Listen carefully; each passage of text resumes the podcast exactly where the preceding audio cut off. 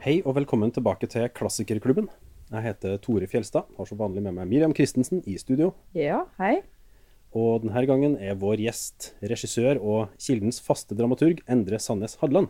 Hallo, hallo. Velkommen tilbake. Du har jo vært der før, du. Ja, takk. Det vil si du har ikke vært i det her rommet. Vi hadde jo en sånn Ja. korona-avstandssending Da tidligere. satt vi med stor avstand. Ja. Det var sikkert fire meter. Det var veldig trygt. Det gikk fint. Ja. Ja. Jeg fikk det ikke da. Jeg Nei. fikk det lenge etterpå. ja. Det var ikke, det var ikke vår skyld, liksom. Ja, men det er greit. Eh, Men vi skal eh, rett og slett eh, 400 år tilbake i tid til en eh, romcom. Ja. 420 år mm. cirka. Kan du fortelle litt om hva det er vi skal snakke om? Jo, vi skal snakke om uh, William Shakespeare, en nokså kjent uh, forfatter, dramatiker, poet, uh, sitt verk eh, som heter As You Like It. Dette er det på engelsk. På norsk oversatt til veldig mange forskjellige ting. Første oversettelse var faktisk eh, Livet i skogen. Det var en sånn 1700-1800-tallsoversettelse, tror jeg. Og så, men det var basert på en, en dansk det er en masse omveier. Og så kom det eh, 'Som dere ville ha det', var, jo en, igjen- var ofte den som ble spilt. Var det, ofte, det er kjent som det i Norge, egentlig. Mm. Men så Edvard Hoem gjendikta det på nynorsk til 'Som du vil'. Og så nå Øyvind Berg til 'Som dere vil'. Mm. Og det er den 'Som dere vil' eh, som er eh, aktuell hos oss i Kilden, da. Så det er en romantisk komedie, som sagt. Den er skrevet er som, som masse annet med Shakespeare. Vi vet veldig lite. Vi må prøve å to sammen litt ting. Men kanskje rundt sånn 1599, trolig. Mm. 1598-1599. Men når den var iscenesatt første gang, det er utrolig vanskelig å spore. Den eneste gangen vi vet det helt sikkert, var i sånn 1602 omtrent. Rundt det var en sånn byllepest i London da, men eh, The King's Men, som de har blitt da, som Shakespeare var en del av, fikk lov å spille Skulle bli bedt om å spille stykket for kongen, for King James, da. Mm. Ja, i 1602. Mm. Men det kan, trolig så ble det satt opp før òg. Vi vet ikke. Men eh, tittelen, altså Jeg har også stussa litt over tittelen når jeg skulle finne eh, de bøkene. For det Altså, hvem er du, eller dere, og hva er det de vil? Egentlig. Livet i skogen her er lettere for å skjønne, basert på åssen stykket er. jeg tror det har blitt skrevet flere master- og doktor- og bøkoppgaver og bøker om akkurat det spørsmålet, faktisk. De, de mest velkjente teoriene går nok ut på at Shakespeare Altså, dette var i kjølvannet Altså, han skrev det rett etter Romeo og Julie, faktisk, men det han hadde gjort mesteparten av tiden rett før, annet Twelfth Night og Midsummer Night's Dream, var jo komedier. Folkekomedier, egentlig. Romantiske komedier. Um, som ble veldig populære, uh, og som um, Hele 1590-tallet og 1600-tallet var London veldig preget av uh, mye ulykke. Mye pest, uh, faktisk. Mm. Så de flytta jo denne Globe til dette gamle klosteret rundt um, Faktisk nesten nøyaktig med As You Like It eh, kom ut. Og det er et sitat fra As You Like It som heter sånn Uh, All the world's a stage. Mm. Veldig kjent uh, monolog fra J-Quiz, som han heter på engelsk, eller sjakk.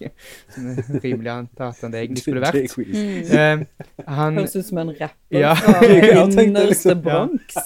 Han, har den, han har dette sitatet, 'All the world's a stage', eh, men slagordet til det nye Globe, som var i det gamle klosteret, som var omtrent på mellom århundreskiftet mellom 1500- og 1600-tallet, det var 'All the globes stage'. Mm. Um, Mm. Og når han satte opp et stykke, så, så, er det rim, så regner vi med at han skrev litt opp, for han ville gi publikum noe som de ville ha, litt sånn nesten sånn eskapisme. Mm. Gi dem en komedie som var en flukt fra dette det strevsomme og farlige bylivet som de faktisk levde i på den tiden. Det var veldig mye fattigdom og død og Mm.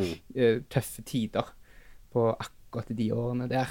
Og um, historien maler jo et bilde om en sånn som Shakespeare gjør i perioder, og så var veldig vanlig i liksom elisabethansk og, og i jakobiske England at man dyrka denne eh, Dyrket er et fint ord at jeg bruker. Dyrket, dyrket denne landlige tilværelsen. altså Denne past pastoral comedy bruker man Mm. som uttrykk på engelsk. Pastoralsk det er ikke et vanlig eh, norsk ord, men det er det norske ordet. Og, Mm. og um, at det, livet på landsbygden tilbyr et alternativ som er mye bedre enn det denne grusomme har i byene, og hoffet og intriger og sjalusi og vold og Men at ute på landet så kan man slippe fri for alt som er vondt. Det er bare blåser litt kaldt utenom det, så er det veldig bra.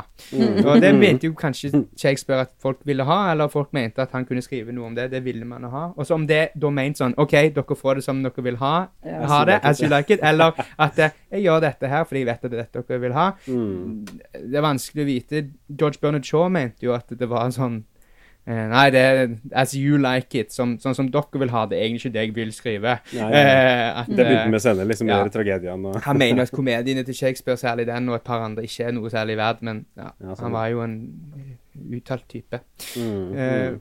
men but you Nei, det er mange som Man vet ikke svaret, men Det er jo en li litt sånn likegyldig tittel også, Ja. på sett og vis, da. Ja. Som kan bety egentlig alt Mm. mulig. Du, Ja, kan, og den refererer til ingenting i stykket. sånn- Nei. du kan legge det i den som du vil. Ja, som du Så, vil. så det å anta at det kanskje er Shakespeare som sier dette til publikummet sitt, det Mm. kan jo godt hende. Mm.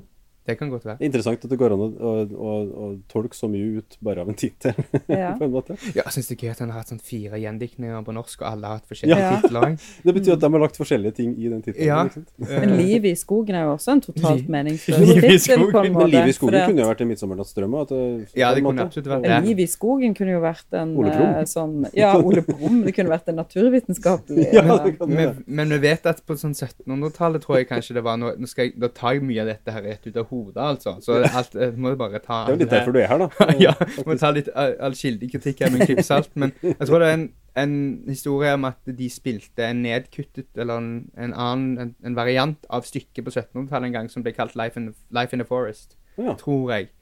Jeg har hørt det. Lest det, eller hørt det på eh, et foredrag eller et eller annet sånt. Ja, ja, ja. Eh, Så det kan være det av verten kommer det. Og så gikk det via dansk og sånn òg, da. Det Mm. ble oversatt. Mm. Eh, Altså det, Norske oversettelser kom heller sent på denne tiden, for å si det sånn. Ja, Det var det jo dansk. dansk Ofte dansk via tysk. Mm. Mm.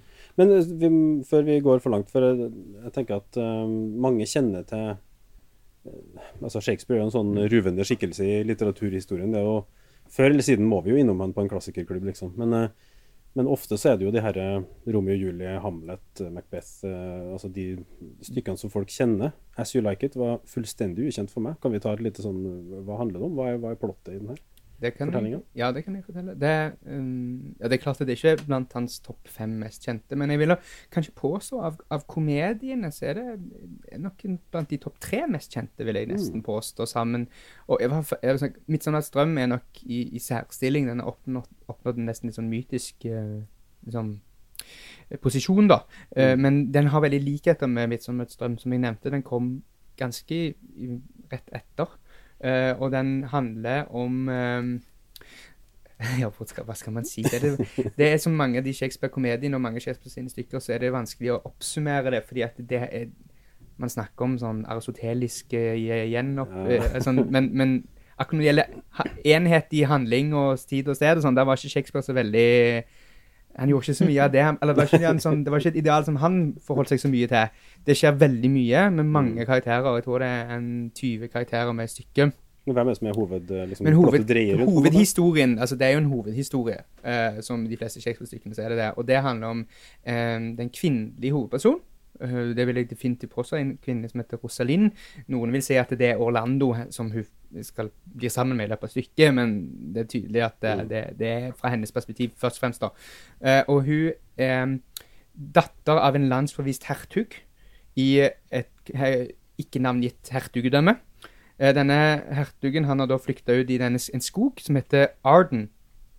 Eh, vi kan snakke mer om denne skogen, hva den representerer på en måte sine. Men han er forflyktet der med mange eh, folk som støtter han. Og den, hans onde eh, lillebror, eh, hertug Fredrik, eh, han, han har tatt over hertugdømmet. Eh, og der har Rosalind fått lov til å bli, da. Hun har ikke blitt landsforvist sammen med sin far, fordi at hun er så nær hans datter, da. Altså, onk, altså onkelen har han, sin niese blir fordi at hun er som en søster for hans datter, Mm.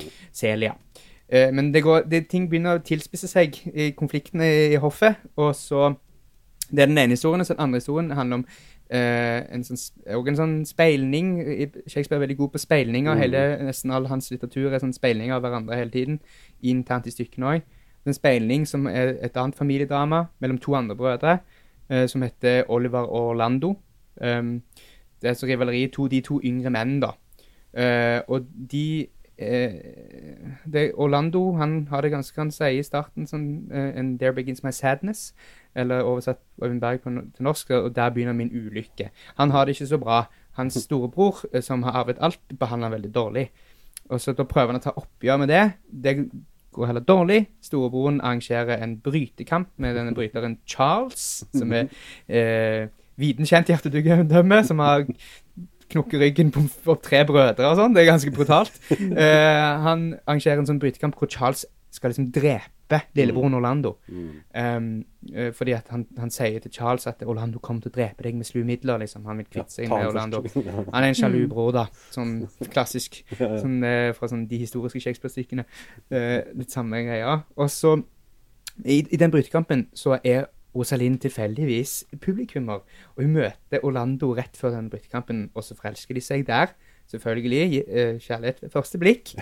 Eh, men mot alle odds, hva tror dere skjer? Jo, Orlando vinner brytekampen. Ja, David slår Han- Goliat. Ja, David slår Goliat. Det er masse sånne Hercules-referanser her, på en måte. Det er jo kjempebra på en scene, da, å få en skikkelig brytekamp. Ja, det kan dere glede dere til i forestillingen, faktisk. Eh, det blir veldig gøy. Um, men da er det, begyn det, det er liksom første akt, da. Denne slåsskampen egentlig rundt det. Og, men det som resultatet av at han vinner og sånn, er jo at eh, han eh, han, han må flykte fordi at hertugen ble veldig sint på han for dette her, og hans bror har fortsatt tenkt å drepe han når ikke dette funka. Mm. Bla, bla, bla. Og Rosalind, eh, som den andre historien, hun òg må da flykte. Fordi nå har etter det som har skjedd, og hun er så populær, og sånn, så får eh, hertug Fredrik nok. Så han hans forviser henne. Og så uten at de vet om det, da, selv om de er stormforelska, så rømmer de ut i skogen. Til samme skog. Samme skog. Skogen, Ar skogen Arden. Mm. Eh, hvor, eh, hvor Rosalind og Celia, eh, som rømmer med henne, eh, eh, slår seg ned som gjetere. Eh, og, og hvor da Rosalind er utkledd som en mann som heter Ganymedes, oppkalt etter verdens peneste mann i historien, ifølge gresk mytologi. Um, og Orlando reiser ut der og slår seg sammen med den gamle hertugen, da, som er i eksil. Og der møtes de i skogen. Uten at de vet. Uten at de vet. For det som skjer, er at Roselin har jo kledd seg ut. Så hun møter Orlando utkledd som eh, Ganymedes. Han gjenkjenner ikke henne, men han har jo gått hele den tiden ute i skogen og skrevet sånne kjærlighetsdikt som han har hengt opp på haggtorn og tornebusker eller rosebusker eller hva det er som står for noe. Ikke trær og sånn. Og sånn, ganske dårlige dikt, egentlig. Som Shakespeare er ganske sånn flink til å skrive litt sånn, litt sånn plumpe dikt. Uh, men han skriver i hvert fall veldig mange av de. Det er kvantitet heller enn kvalitet. Mm. Så er Eh, stor. men det, Det er som hun- sånn Instagram-poesi, bare Ja, Instagram, på ja. den tida. Det var liksom. virkelig det det var. Henger det opp på trær og Men Rosalind hun, hun ønsker jo det skal være sant, det jeg mener. da, Så Ja. for å liksom teste han litt, da, så, så inviterer han med på date, da, hvor han uh, skal komme til henne og gjøre kur til henne. Eh, hvor hun skal da, Rosalind, utkledd som Ganymedes, skal late som hun er Rosalind. Mm. Ja. Og der her, her, ja, Det er her det begynner å forvikle seg til, da. Ja, og så skjer det mye dramatikk. Det er masse sidehistorier. Det er egentlig mest sidehistorier i dette stykket. Det er mange andre Ja. i den skogen. Uh, blant annet eh, Celia, som òg er med, uh, som òg forelsker seg mot slutten av stykket. Og, Men andre broren, var det ikke sant? ja, men andre broren, ja. Tilfeldigvis òg ved Mhm. første øyekast. Jeg så beleilig ut. Ja, ja. Og Touchstone, da. Han er sånn hoffnarr. Um, Shakespeare hadde ofte med disse hoffnarrene og klovnene for en sånn måte. Det var jo ulovlig med hoffnarrer i Elizabethan England, Ja. men uh, han snek de med i, uh, i stikkene, så de kunne liksom Da var det lov. Mm, Ja. Være sånn satirikere, da. Ja. Så Touchstone der, han òg kommer Han eh, Han er med i skogen, og han vil òg leve sånn, som Bli forelska og sånn, så han bare forelsker seg i sånn første han finner. Det er veldig sånn gøy historie, egentlig. Mm. Han vil gifte seg med henne, men bare fordi at han har lyst til å ligge med henne og sånn. Ja, så han får en eh, sånn prest som kanskje ikke Ja. er helt ordentlig prest, Ja. som liksom skal For da er det dem. lettere, da, etter, For da da kan han dumpe etterpå. til Ja. Veldig bra. Ja, altså det er sikkert. Og så slutter det på sånn uh, klassisk Shakespeare-vis. En virkelig sånn Deus ex machina, som man sier. At det liksom, plutselig løser alt seg. Ja. Og alle gifter seg, og de slemme de slutter å være slemme, og de snille de vinner. Det er, det er ofte det er Shakespeare-stykkene. Det, er- det er ofte prosessen som er interessant, ikke resultatet. Nei, nei. Eh, Mm. utenom de tragediene har Mange av tragediene har selvfølgelig gode slutter, men temaet Hamlet, hans definitivt uh, liksom kanskje beste verk, har jo sine narrative utfordringer, kan man si, med det, som, det, det piratskipet og at det kom tilbake og sånn. Men eh, Men nei, for da tenker jeg litt på uh, Vi har jo hatt uh, dramatikk før i Klassikerklubben og snakka litt om det å lese stykker som lesestykker. Uh, Shakespeare er kanskje ikke den fremste sånn dramatikeren man sitter og, og leser, på samme måte som f.eks. Ibsen. Ibsen er jo sånn du leser Du kan det lese Ibsen var, det sammen. som Ibsen var jo gitt ut som bøker Ja. internasjonalt, mens Shakespeare var, det her er jo basert på notatene hans, nærmest. ikke sant? Ja. Eller Sånn, Ja, eller på muntlige, liksom, og overleveringer og alt mulig. Det, det, det er et godt spørsmål. Eller god påstand og spørsmål. Men eh, på mange måter vil jeg si meg enig. Altså, de er jo mindre veldreide, må man si. På en måte Shakespeare Um, altså du tre- trekker frem Ibsen, at Ibsen er jo gode å lese fordi at de er ekstremt veldreide, alle sammen. Det er jo skrevet, det er jo skriftlige Ja, stykker på en I, I hvert fall de res, eh, sosialrealistiske dramaene fra 1870-tallet og videre er jo virkelig sånn eh, Han var jo trent i denne franske La pièce bien faite-tradisjonen hvor man liksom Det her må, det her må du forklare litt. La- la- Den, hva, hva kalte den, sa du? den La pièce bien faite som betyr det veldreide stykket, eller et godt gjort stykke. Aha. Eh, han var jo trent i denne tradisjonen i ganske mange år i, i Bergen når han jobbet der. Eller de årene han jobbet i teater. Han jobbet jo mange år, 20 år i teater. Um, hvor, hvor han, tren, han ble trent i å kunne skrive sånn helhet. Der var det aristotelisk Mm. enhet i tidssted og rom. Mens Shakespeare var det Altså, han var jo Vi vet jo veldig lite altså, Det er jo alltid sånn myten om Shakespeare at det ikke var han som skrev det og sånne ting. Men, men altså, vi, det vi vet om den historiske Shakespeare, eller, eh, er jo at han var en del av en trupp som heter Lord Chamberlains menn. At han begynte som skuespiller.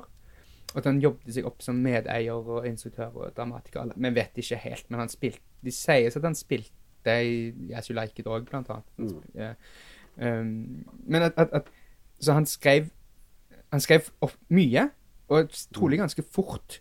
Men det han var Mm. helt vanvittig god på, var jo det å skrive, kombinere god til For den tiden å være en god prosa, god dialog for den tiden, Mm. og god versefot, på en måte. Og gode vers. Altså, po altså poesien i hans språk, uansett om det var han som skrev det, eller de som mener at det ikke var han, det er jo det som virkelig har gjort at det overlevde. Det at han Mm. klarte å få pakke poesi inn i i det som den tid var populærkulturell underholdning, egentlig. Mm. Uh, men den har jo sine strukturelle svakheter, masse av det.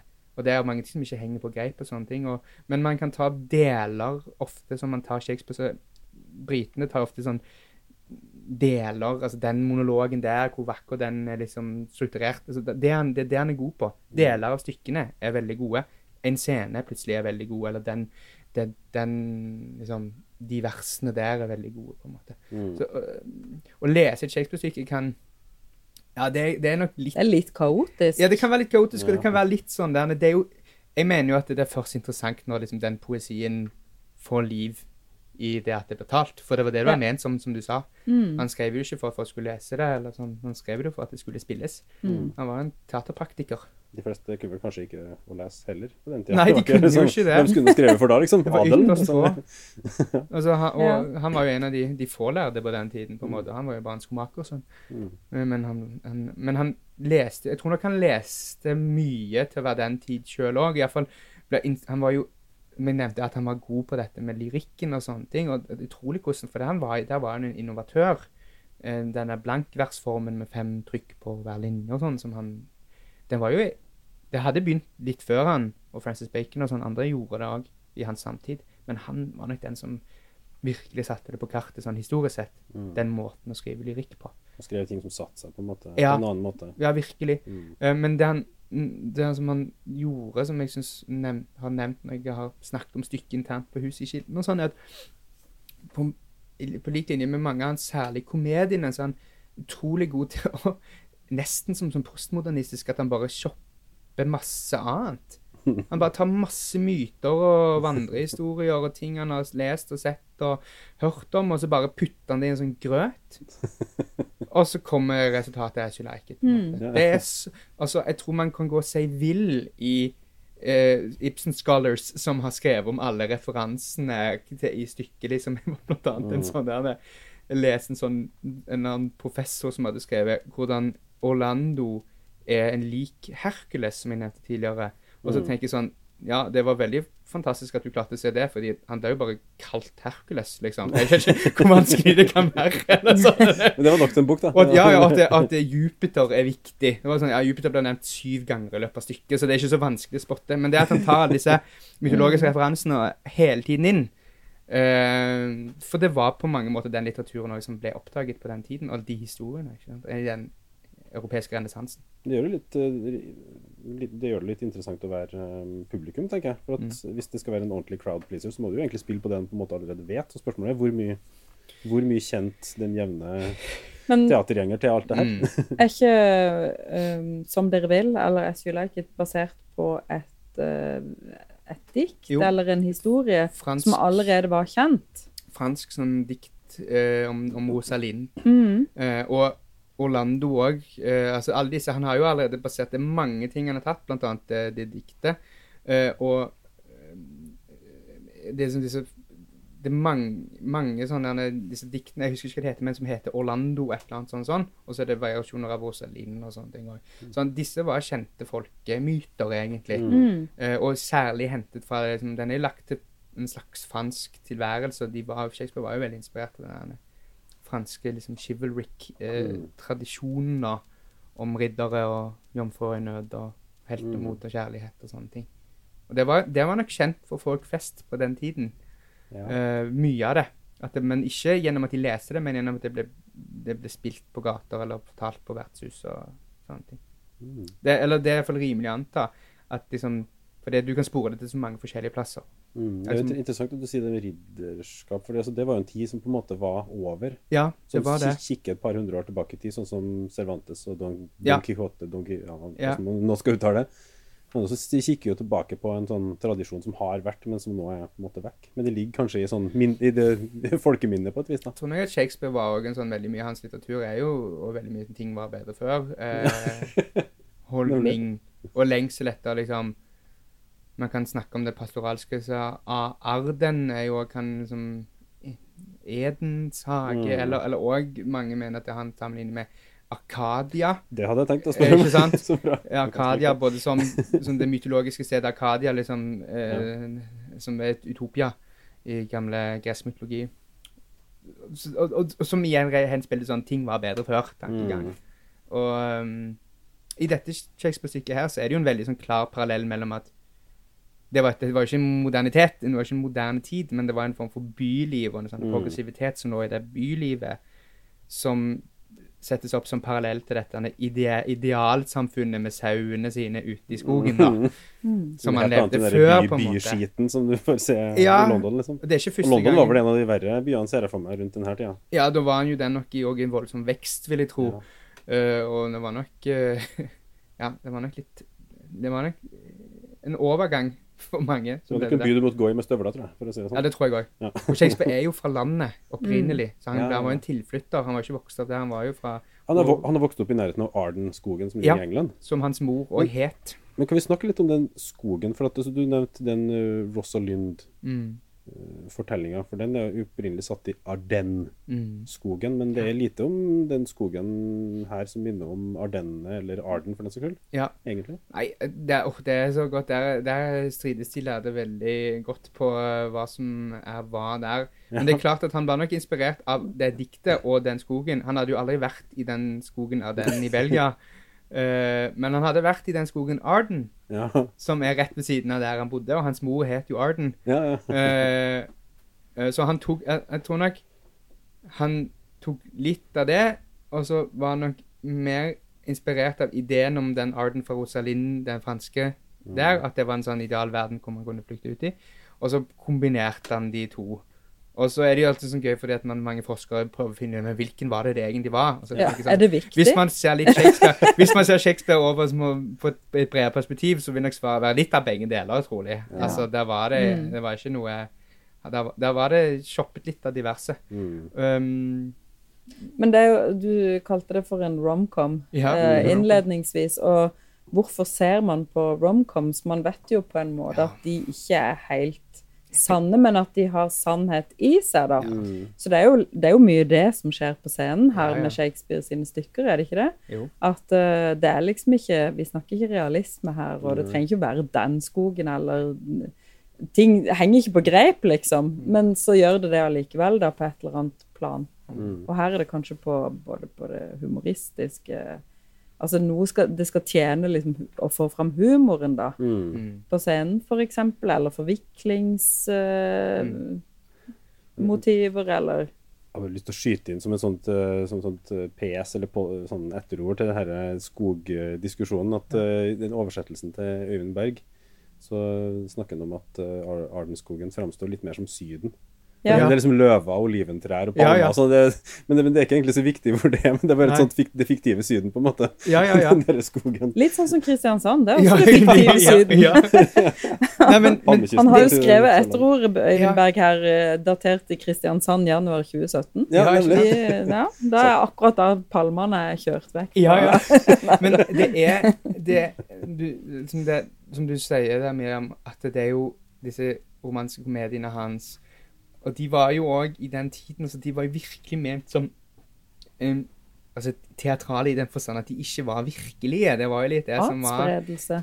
Ja, ja. Er det Ja, det var det er en, en, Jeg husker ikke navnet på henne akkurat nå, men en Oxford-forsker som jeg syns er veldig god, som har forsket mye på Shakespeares liksom, eh, litteratur og, og stykker og sånn, og hun, hun sier det på en måte at det er så veldig sånn tydelig dette stykket at det er en sånn De møter hverandre helt i starten.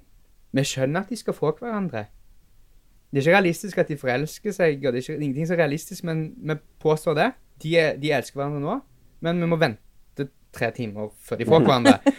Fordi det er det som er de teatrale rammene. Vi har kommet her for å liksom Men det er jo det som er crowd-policing. ikke Ja. sant? Å, jeg håper sånn at de får hverandre. Ja. Ja, vi gjør selvfølgelig det. Nei, nå står det en slem hertug i veien, og en Ja. slem bror, og eh, at hun har jo kledd seg ut. altså, Men kunne jo løst stykket med en gang hun treffer han, så tar hun av seg de der klærne som Ganymedes Ganymedes blir Ja. Rosalind. Og så, så får de hverandre. Men da har du ikke et stykke, ikke sant? Nei, så han må jo liksom sette opp en del sånn eh, hindringer og sånn som ikke er sånn Man må ikke se på det som sånn De er ikke så veldig som, hvis, som dramaturg, da, hvis jeg skal se på det som veldig sånn cause and effect, kausalitet og logis, logisk ting, oppbygning og kvalitet i sånne ting, så, så hvis man leter i en del Shakespeare-stykker etter det, så må man lette mye. Eh, det- og det, det er stykker han gjør det bedre i, men dette er ikke, dette er ikke blant de fremste sånne ting. Men eh, hun nevnte forskeren, hun sier jo veldig sånn fint, synes jeg, at det, em, disse to opp, opp, det, det er en brytekamp. Det er noen en slem, noen par slemme brødre som er slemme med to forskjellige sine lillebrødre, to brødre. Og så er det ei dame, og så forelsker seg i en mann, og så forsvinner de i skogen, og hva skjer så? Jo, ikke så veldig mye. uh, og det syns jeg er sånn fint Ja. sagt, for det er egentlig ikke den uh, mange briter og sånn amerikanere snakker om hvordan Shakespeare var så helt sånn fremragende i hvordan han utvikla liksom, hvordan plott og handlingsutvikling ble bedre i hans tid. Det gjorde det absolutt, men dette stykket kanskje ikke eh, et av de stykkene som driver frem det. Um, plottet i 'Midtsommernatts drøm', på en måte forviklingsplottet, hvordan det fører til det ene og så fører til det andre, er jo på en måte mye mer, gjen, bedre gjennomført enn dette her. Her er det masse småhistorier om uh, et, liksom, mer en sånn tilværelse i skogen. Det pastoralske livet. Og nå har jeg tenkt på mer enn sånn Du må ikke gjøre noen ting. Du kan bare være en gjeter. Mm. Du må nyte livet ute i skogen, liksom. Og Derav er det ikke så viktig hva som skjer. Men uh, hvorfor spiller man eh, dette stykket på uh, teaterscenen i dag? I 2022? Spesielt når du tenker på at det, det var Hvis det, det jeg har lest på Wikipedia stemmer, det, det hender jo. Det skjer jo alltid. At du Så- har lest noe på Wikipedia. Her er min dybden av min kunnskap avslørt. Eh, så er det et eller annet med at det ble satt opp ganske Altså det ble satt opp igjen samtidig, og så gikk det flere hundre år før noen fatta interesse for den. Men i dag så er det en av de komediene som blir satt oftest opp. Hvorfor er det sånn at det plutselig Plutselig nå i nyere tid Er det fordi det er, så, liksom? det er så mange utkledninger, det er så mye gøy du kan gjøre liksom, med kulisser og Utkledninger har alltid vært og- populært. Ja. Men Ja. som som dame, det finnes jo ikke noe morsommere enn det på en Jeg er sånn dyp, på mange måter dypest sett så vil jeg Min tolkning også handler stykket om teater, egentlig. Om teater og hva teaters funksjon er. Og på en måte om teater som for, Både fordi at det i stykket tematiserer liksom det den veldig, veldig kjente som jeg nevnte, all the world's a stage, som uh, Jake Quiz Sjakk sier. Hele verden er en scene hvor menn og kvinner spiller skuespill. Mm. De går ut og de kommer inn igjen og spiller mange roller i sitt liv, som har sju akter. Ja. Og så kommer alle de syv aktene som utgjør et menneskeliv. Menneskeliv, ja. Og, og sjakk var altså, Og det, den liksom På en veldig sånn på et veldig tidlig tidspunkt på et sånn intellektuelt nivå snakke om mennesker som roller, og at vi at, at vi ikke nødvendigvis har en sånn kjerne, at man er bare forskjellige funksjoner, Vi spiller roller hele tiden, og teater er en måte man får utløp for det for. Uh, og Rosalind spiller jo teater, hun Mm. spiller at hun er en annen. Eh, Touchstone, denne som jeg nevnte, han er klovnen, han spiller jo at han er gjeter, han òg nå. Det er liksom, Den handler så veldig mye om å ikke være seg selv på en eller annen måte, og flykte. Den eneste som som er seg selv i dette stykket, er denne Sjakk, da, uh, på en eller annen måte. Han er, han er på en måte apart. Han syns det, det med rollespill i hoffet er grusomt, og alt er forferdelig, og men, altså, ute i skogen er det grusomt. Uh, men sånn, han, han, han har jo han er en ganske sånn avskyelig karakter på en eller annen måte, syns jeg. Han er utrolig usympatisk, men, men i det så har han en sånn, en sånn uh, For han blir veldig, han blir veldig, veldig statisk, syns jeg. Og, men han representerer det at en sånn forakt for at han ikke, man ikke er liksom ekte, på et eller annet vis. Man bare er fake. Han forakter liksom Orlando sier at han er forelska. Sånn, OK, liksom. At det Det tror vi på. jeg, jeg, jeg tror jeg ikke, liksom. Ja, og, og det er liksom at han, han tror ikke på noen ting. Han tror alt er fake, på en måte. Og, Ja, sånn, ja. og det er som interessant kommentar, fordi alt er jo fake. Det er jo bare teater. Mm. Uh, og det sier jo Shakespeare, liksom sånn. Og han tilkjennegir det i en sånn epilog i slutten og sånn. Det er ment som teater og underholde, og folk gleder seg over det, og kanskje hadde det litt fint. Mm. Rosalind sier i slutten, liksom. Og hvis Mm. dere likte det, så gi et kyss til sidemannen, eller hva det sier for noe. Greit å gå to og to her, da. Ikke Ja, ja. gå alene på teater kan være litt selvsagt. hun skal si at hun skal kysse de, med, har- de som har skjegg, sier hun. og, det er så, og det er en annen, et annet sånn, eh, aspekt ved det, bare som du tenker på historisk sett, var jo at det, det er jo at det ble spilt av menn. Mm. Sant? Mm. Eh, det, ble, det ble spilt av menn. Og så Rosalind da, i det stykket var en mann, trolig en ung mann eller en, en, en ung gutt, eller en Mm. mann, som spilte en kvinne som heter Rosalind. Hun spiller en mann som heter Ganymedes, som igjen spiller Ja, det blir Kater som heter Rosalind. Så det er fire Litt. fiksjonsnivåer av, av rolle, da.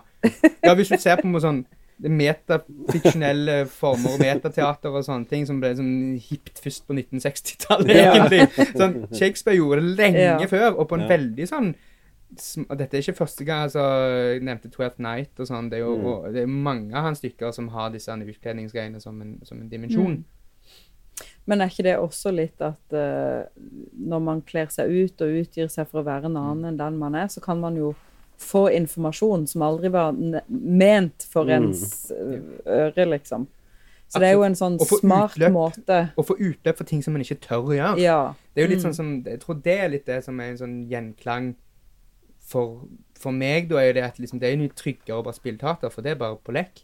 Og hvis jeg Mm. utgir meg for å være en annen, så er det ikke så farlig, for jeg er jo Nå er jeg jo ikke meg sjøl. Mm. Så det har en, mange sånne gode tolkninger av As You Like It som blitt satt opp gjennom årene. At liksom, hvorfor er det Rosalind ikke bare sier at du er Rosalind? Mm. Og Det er på en måte, en måte tryggere å teste kjærligheten, hvor ekte den er, hvis hun ikke risikerer at Mm. hun er der og blir avvist, men hun kan få vite det gjennom å spille en annen på et eller annet vis. Mm. Men så må hun vel også redde livet sitt ved å, gjennom å kle seg ut. Ja, Så ikke denne hertugen, onkelen, Mm. faren Det er en vanskelig eh, ja det er det, men det, akkurat det, de- de, akkurat det han hertugen forblir et sånt der Ja, for han er bare litt en sånn han ufarlig trussel, Ja, på en måte. han er jo ikke med mer. Uh, han er jo egentlig ikke med resten av stykket. Jo, altså, han, han sier sånn der Når de drar, så Å, gå og finn hun, liksom, få henne tilbake. Og så får vi rett før eh, vel slutten av akt to at eh, Oliver, denne storebroren til Orlando, han slemmebroren eh, av de unge, han blir da liksom sendt ut for å finne Orlando. Fordi at eh, hertug Fredrik har en teori om at eh, Orlando er sammen med Rosalinda for å finne henne igjen.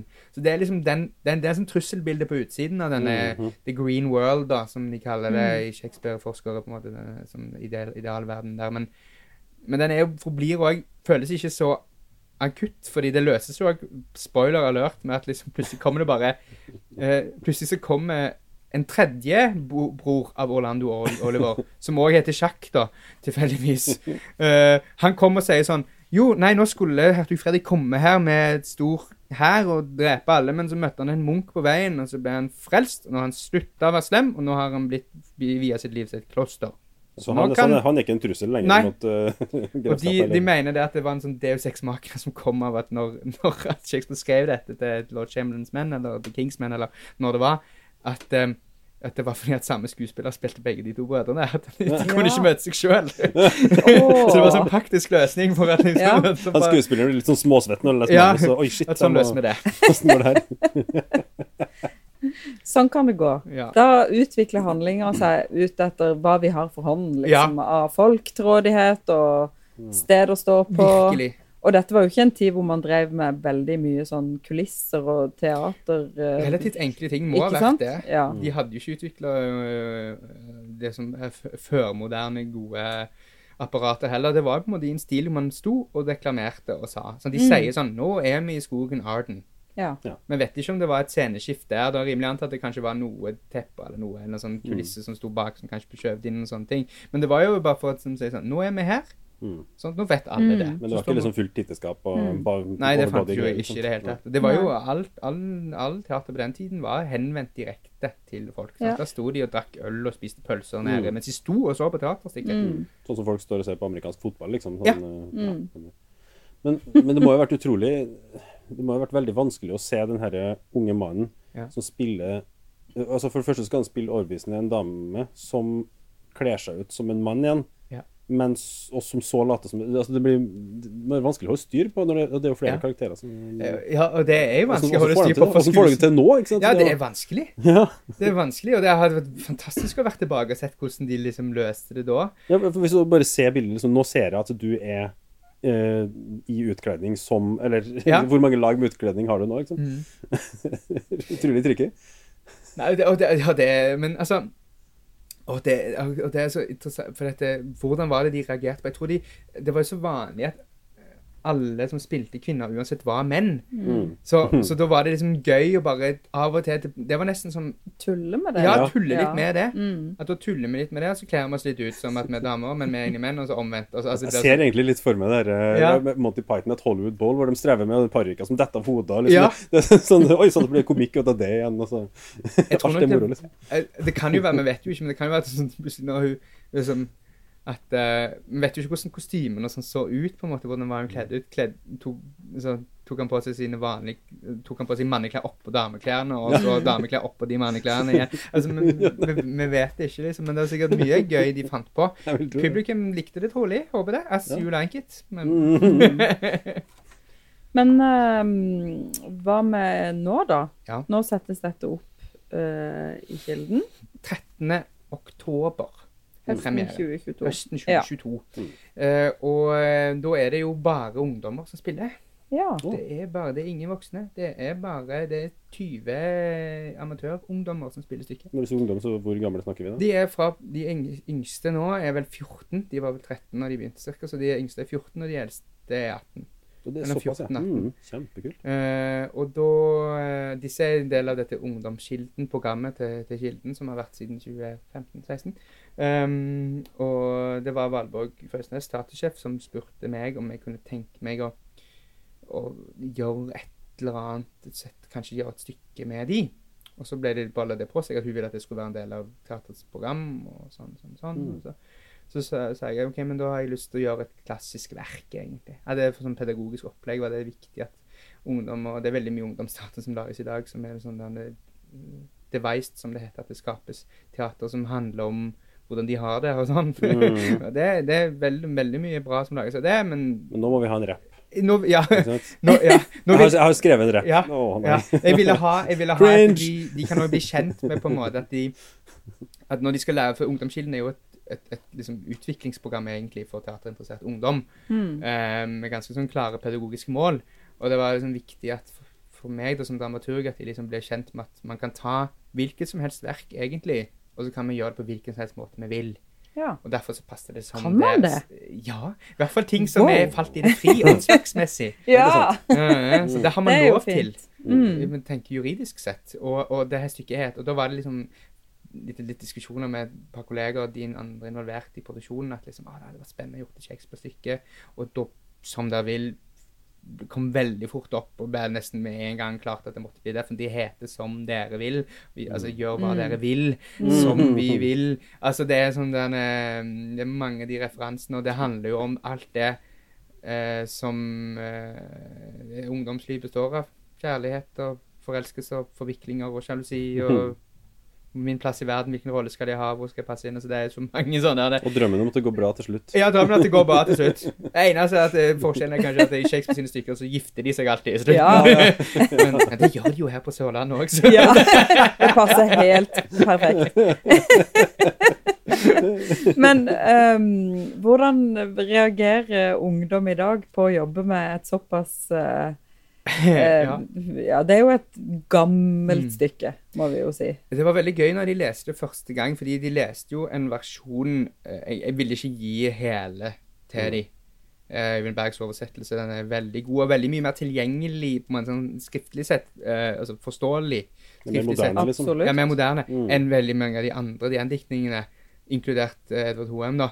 Uh, og at det, eh, men, men samtidig, til tross for det, så, så skriver han Han bevarer jo det som er i vers, i blankversform, sin oversettelse riktignok. Han må gjøre noen ganske skriftlige krumspring for å få overføre den språklige liksom, verdien i det som originalt sto til, Mm. til norsk. Så, så det kan eh, oppleves ar arkaisk og, og eh, nesten fremmedgjort for de hvis de hadde bare fått det servert til meg sånn, da.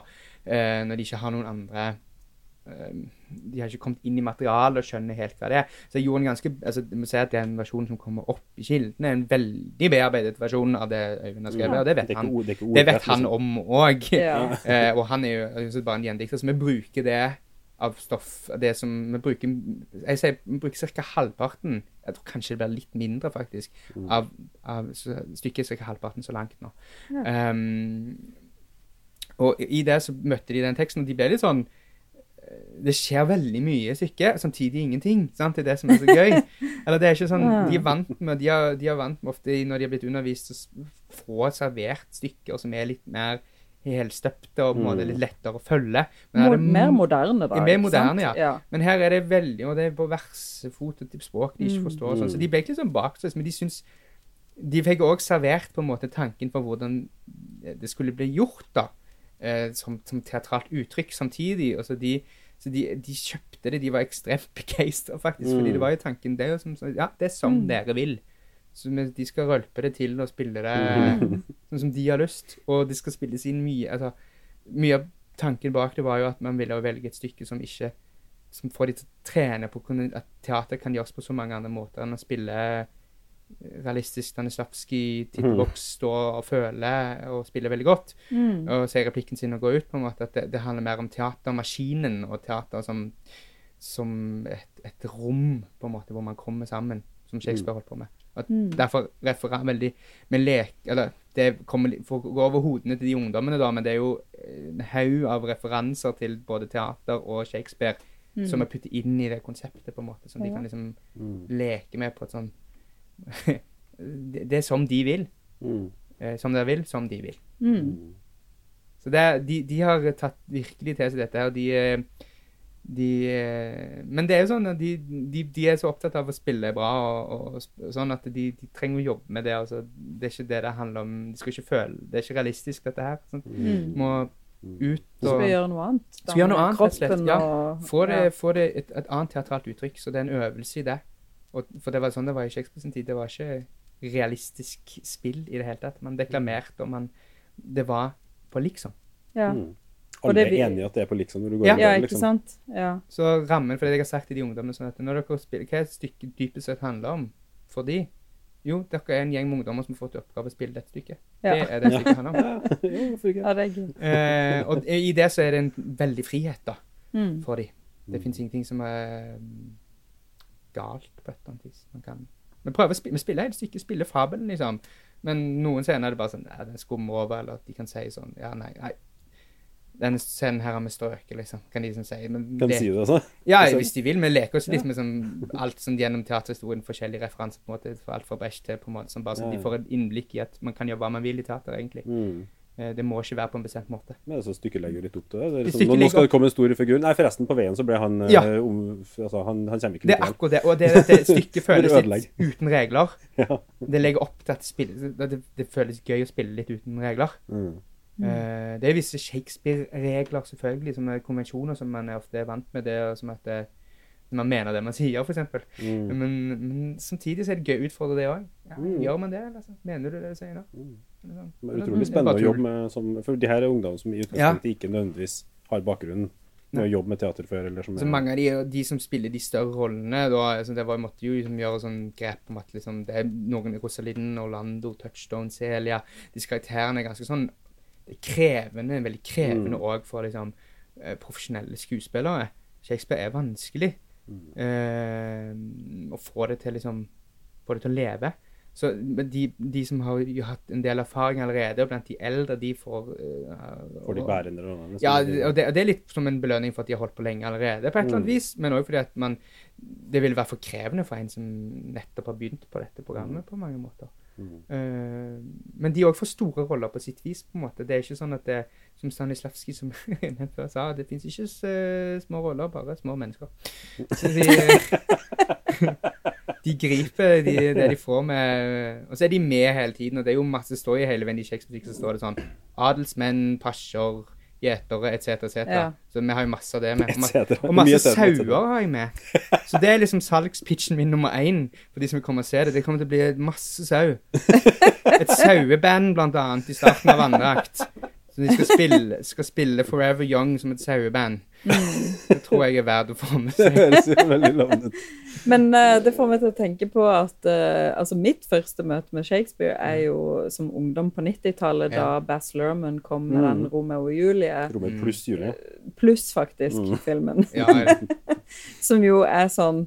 Altså, vi har hørt uh, om Shakespeare fra før av, men wow! Nå har Ja. vi vært på kino, liksom. Mm. Men, da- men der har du jo bevart helt- originalteksten, var det ikke sånn? At det Jo, var faktisk de- de ordrette Men replikkene. det, Det den er sånn veldig god referanse. ja, det er sånn innpakninga Ja. der er jo helt sånn Oi, tenk at Mm. noen har gjort dette. Ja. Og det Mm. tenker jeg Når vi har snakka oss gjennom alt Mm. det som skjedde antageligvis da på Shakespeares tid, Mm. så er jo Bass Lerman egentlig i synk med det, da. Mm. Absolutt. Mm. Veldig folkelig, veldig Ja. sånn eh, tilpasningsdyktig til ting du har til rådighet. Ja. og- ja. Referansetungt og crowd pleasing. Ja, og det er det vi prøver å gjøre her og nå òg. Stykket er ikke ment som å spilles altså Teater er ikke musealt. Det, det spilles i sin samtid. Mm. Uh, og Shakespeare var veldig i det. Han var et resultat av sin samtid. Han var en praktiker. Mm. Uh, og i det så angriper de ungdommene på den samme måten. liksom. Hva er Mm. referansene våre i dag? Hvilke myter er det vi har i dag? Og sånn, ja, Da sper man på med powerballader, liksom, og, og og sånne ting. Og sånn floskler om kjærlighet og, og, og lengsel, og samme som han gjorde. Hans referanser da var liksom greske myter og sånn. Vi har liksom uh, Alpha Will og Vi har jo. TV-serier. Og TV-serier. og Sånn, ja, og, de, og de har kommet så masse Mm. gøye tilbud selv om ting referanser som de, som de på en måte assosierer med dette materialet, da, som de har lyst til å gjøre. Det, det altså Shakespeare hadde Det er veldig hans ånd, nå, vil jeg påstå. Han hadde ikke snudd seg i grava. Nei, det tror jeg ikke. uh, altså, det er jo bare å shoppe masse greier, og så tar man den historien, og så prøver man å spille det sånn at publikum forhåpentligvis får noe ut av det. Mm. At de føler noe, eller opplever noe. De har jo kjøpt billett for one penny. Two pennies eller three pennies, som det koster da. Ja. Veldig bra. Det høres eh, veldig lovende ut, det her. ja, men jeg tror det skal bli veldig Det er, det er en veldig sånn Det er mye sjarme. Sånn ungdom har en veldig overskudd, Mm. og, og stykket har en veldig sjarme. Mm. Den har en sånn naivitet og en ironi i seg. Eh, den er ekstremt lite selvhøytidelig på et eller annet vis, teksten. Samtidig er den det òg. Den handler om store ting, men på en sånn Hele verden er en scene. Ja, det- ja. Men det er samme som Shakespeare han tar og i stykket så idealiserer han den, denne livet, det pastoralske livet ute i skogen med gjeter, og hvor fantastisk det er. Samtidig så ironiserer han det ekstremt. Mm. At det er bare en floskel, eller det er bare tull å tro at det livet bare er perfekt der ute. liksom sånn. Mm. Så det er alltid en sånn motstand i Han, han, han, han altså, En dobbelthet. Det er en dobbelthet hele tiden. Opp Speiling, dobbelt, ja. Kontraster er jo hans fremste Ja, For det er jo bare kontraster. Det er jo to brødre, det er to Alltid kontraster. niese eller Ja, ja. Ja, ikke? Det er, det, det, det er jo gjennomgående i all hans litteratur, i det, teateret spesielt. Er det de kontrastene, hvordan han setter sånn, dialektiske forbindelser opp mot hverandre. Mm. Og du går og ser på en Wikipedia-artikkel om hvilket stykke, så ser du sånn tusen forskjellige temaer, på en Ja, måte. ikke som er, som er liksom eksemplifisert gjennom ofte en kontrast i stykket. Mm. Da vi så, eller snakka om plottet helt til å begynne med, Ja. så fikk jeg liksom en sånn følelse av at det her er på en måte en 'Midtsommernattsdrøm outtakes' som har blitt bakt Ja. til et nytt stykke. liksom. Jeg vet ikke om det er, Jo, er sannheten, sannhet, men det føles litt sånn at det liksom, Ja. det her fikk jeg ikke helt plass til den. Men vet du hva? Jeg bare tar inn den der, den der historien om, eh, om Rosalind, og så baker jeg ting rundt det, så bruker jeg opp de tingene som har hatt overs. Liksom. være, men altså Eller kanskje han tenkte på samme, begge historier parallelt, og så bare tok han noe av det inn i midten av søvn, Ja, og noe inn i Jeg slakket for det som Eller jeg, jeg, egentlig burde det vært flere stykker òg, fordi sånn som i midten av strøm', det er jo egentlig tre stykker, nesten. Det er jo den der ene historien om, eh, om Titania og Oberon, og så er det den om de sånne arbeiderne som holder på å bygge, og så er det disse de unge elskede, og så puck oppi det hele. Ja, ikke sant? Så det, der er det jo der, men der er det like på mange måter rotet der, men, men det er lettere å følge den historien om disse unge elskende. Ja, Den er litt mer sånn Ja. Den er litt mer sånn gjennomgående. Men alt det andre er jo ofte mye bare rot, men det er fantastisk òg. Ja. Så tok han sikkert noe av det og putta det inn. Jeg er ikke det, Ja. Vi vet jo ikke. Og så har det blitt enda lettere å følge når du har kutta den litt ned og stramma litt opp, sånn som du har gjort nå. Ja, og jeg, på en måte, det var viktig for meg å bevare fabelen og bevare på en måte til alle temaene. på en måte, Det er jo så utrolig mange av de, men på å bevare så mange som mulig og tilføre de som kommer til gjennom iscenesettelsen. Gjennom liksom poengtere altså, at det er ungdom i dag som gjør det helt alene og sånne ting. Det er jo Mm. et nytt tilfang til som har en annen diskurs enn det som var ment i teksten. Og, men, men altså, man ikke stryker det som var intendert så mye av det. Man prøver å bevare de forskjellige temaene om Moroa. Moroen, ja. Og kjærligheten og konflikten og leken med myter og referanser Mm. og liksom øh, den der drømmen om som Jeg pleier å si at det er liksom sånn Dette er ungdommer. De er ungdommer, disse karakterene, Mm. som, må, s- som i en sånn klassisk renessanse, gresk antikkstil, må bøte for fedrenes synder. sant? De får ikke lov til å elske hverandre fordi fedrene sånn, er i ja. konflikt. sant? De, de får, det er veldig klassisk eh, gresk antikk litteratur og teater særlig, men òg i renessanse, i Shakespeare-tid. Så For å gjøre det så må de flykte ut i skogen, og der kan de leve sånn hippietilværelse. Her bygger vi vår verden, liksom. Det er perfekt, liksom. Så lenge vi får bestemme, så blir det dritbra. Vi drar på Eh, festival. Ja, og det, det, og det er mange som har løst denne forestillingen som sånn Nå drar vi på festival ute i skogen, liksom. Ja. Og Det er sånn, Jeg skjønner det, for det er veldig nærliggende å tenke det. Ja. De drar jo der og eh, sånn man, um, det, Men på engelsk så er det det at liksom det er forskjellen mellom på en måte arbeid og recreation. Og dette er jo recreation, men hvis du deler opp recreation, hva betyr det egentlig? Recreation. Så det er på en måte en gjenskapning, bare på en kulere måte enn livet, da. Mm. Det de drar ut i skogen. De, de, Mm. gjen, de driver rekreasjon med at de ikke gjør noen ting annet enn å passe den sauen. Eh, men i det så gjenskaper de seg selv, da. Som er litt sånn Man snakker om at Shakespeare er tidløs, og man er sånn floskel som er irriterende. Og så er det briter og sånn Oh, he's so timeless. Og sånn. Uh, ja, og, men og hvorfor er han det? det? Jeg tror det er veldig mye av, av det at det er en sånn det, det handler bare om sånn dype menneskelige ting, om hva fyller man tiden med. Ja. Hva er viktig å fylle tiden med Mm. livene sine. Jeg ser for meg Miriam, at vi skal fylle eh, en par timer av livet vårt med teater i løpet av høres, eh, Der har jeg lyst til å gå og se. Ja. Ja, det blir en to timer med mye gøy. Jeg tror Ja. de er fantastisk herlige, og de har et overskudd, så de, de spiller De spiller som bare pokker, altså, syns jeg. Mm. Må si det. Det er veldig bra. Vi ser veldig fram til det. Ja. Jeg tror vi tar og setter strek, rett og slett, der, for det er et veldig fint sted å stoppe på. Men eh, tusen hjertelig takk for at du kom eh, tilbake i studio til oss, Endre. Det var veldig hyggelig. Jo, takk for at jeg ble invitert. Det er alltid gøy å snakke om eh, dramatikk og teater og litteratur. Det kan vel være en fare for at du kommer tilbake igjen nå, vil jeg tro. Ja. Vi bare fortsette med de klassikerne. ja. Mm. Nemlig. ja eh, det er veldig fint å gjøre klassikere, men oppdager mye fint med det. Mm. Lese det eller spille det. Så bra. Absolutt. Og med det så sier vi takk for oss, og takk for at du hørte på.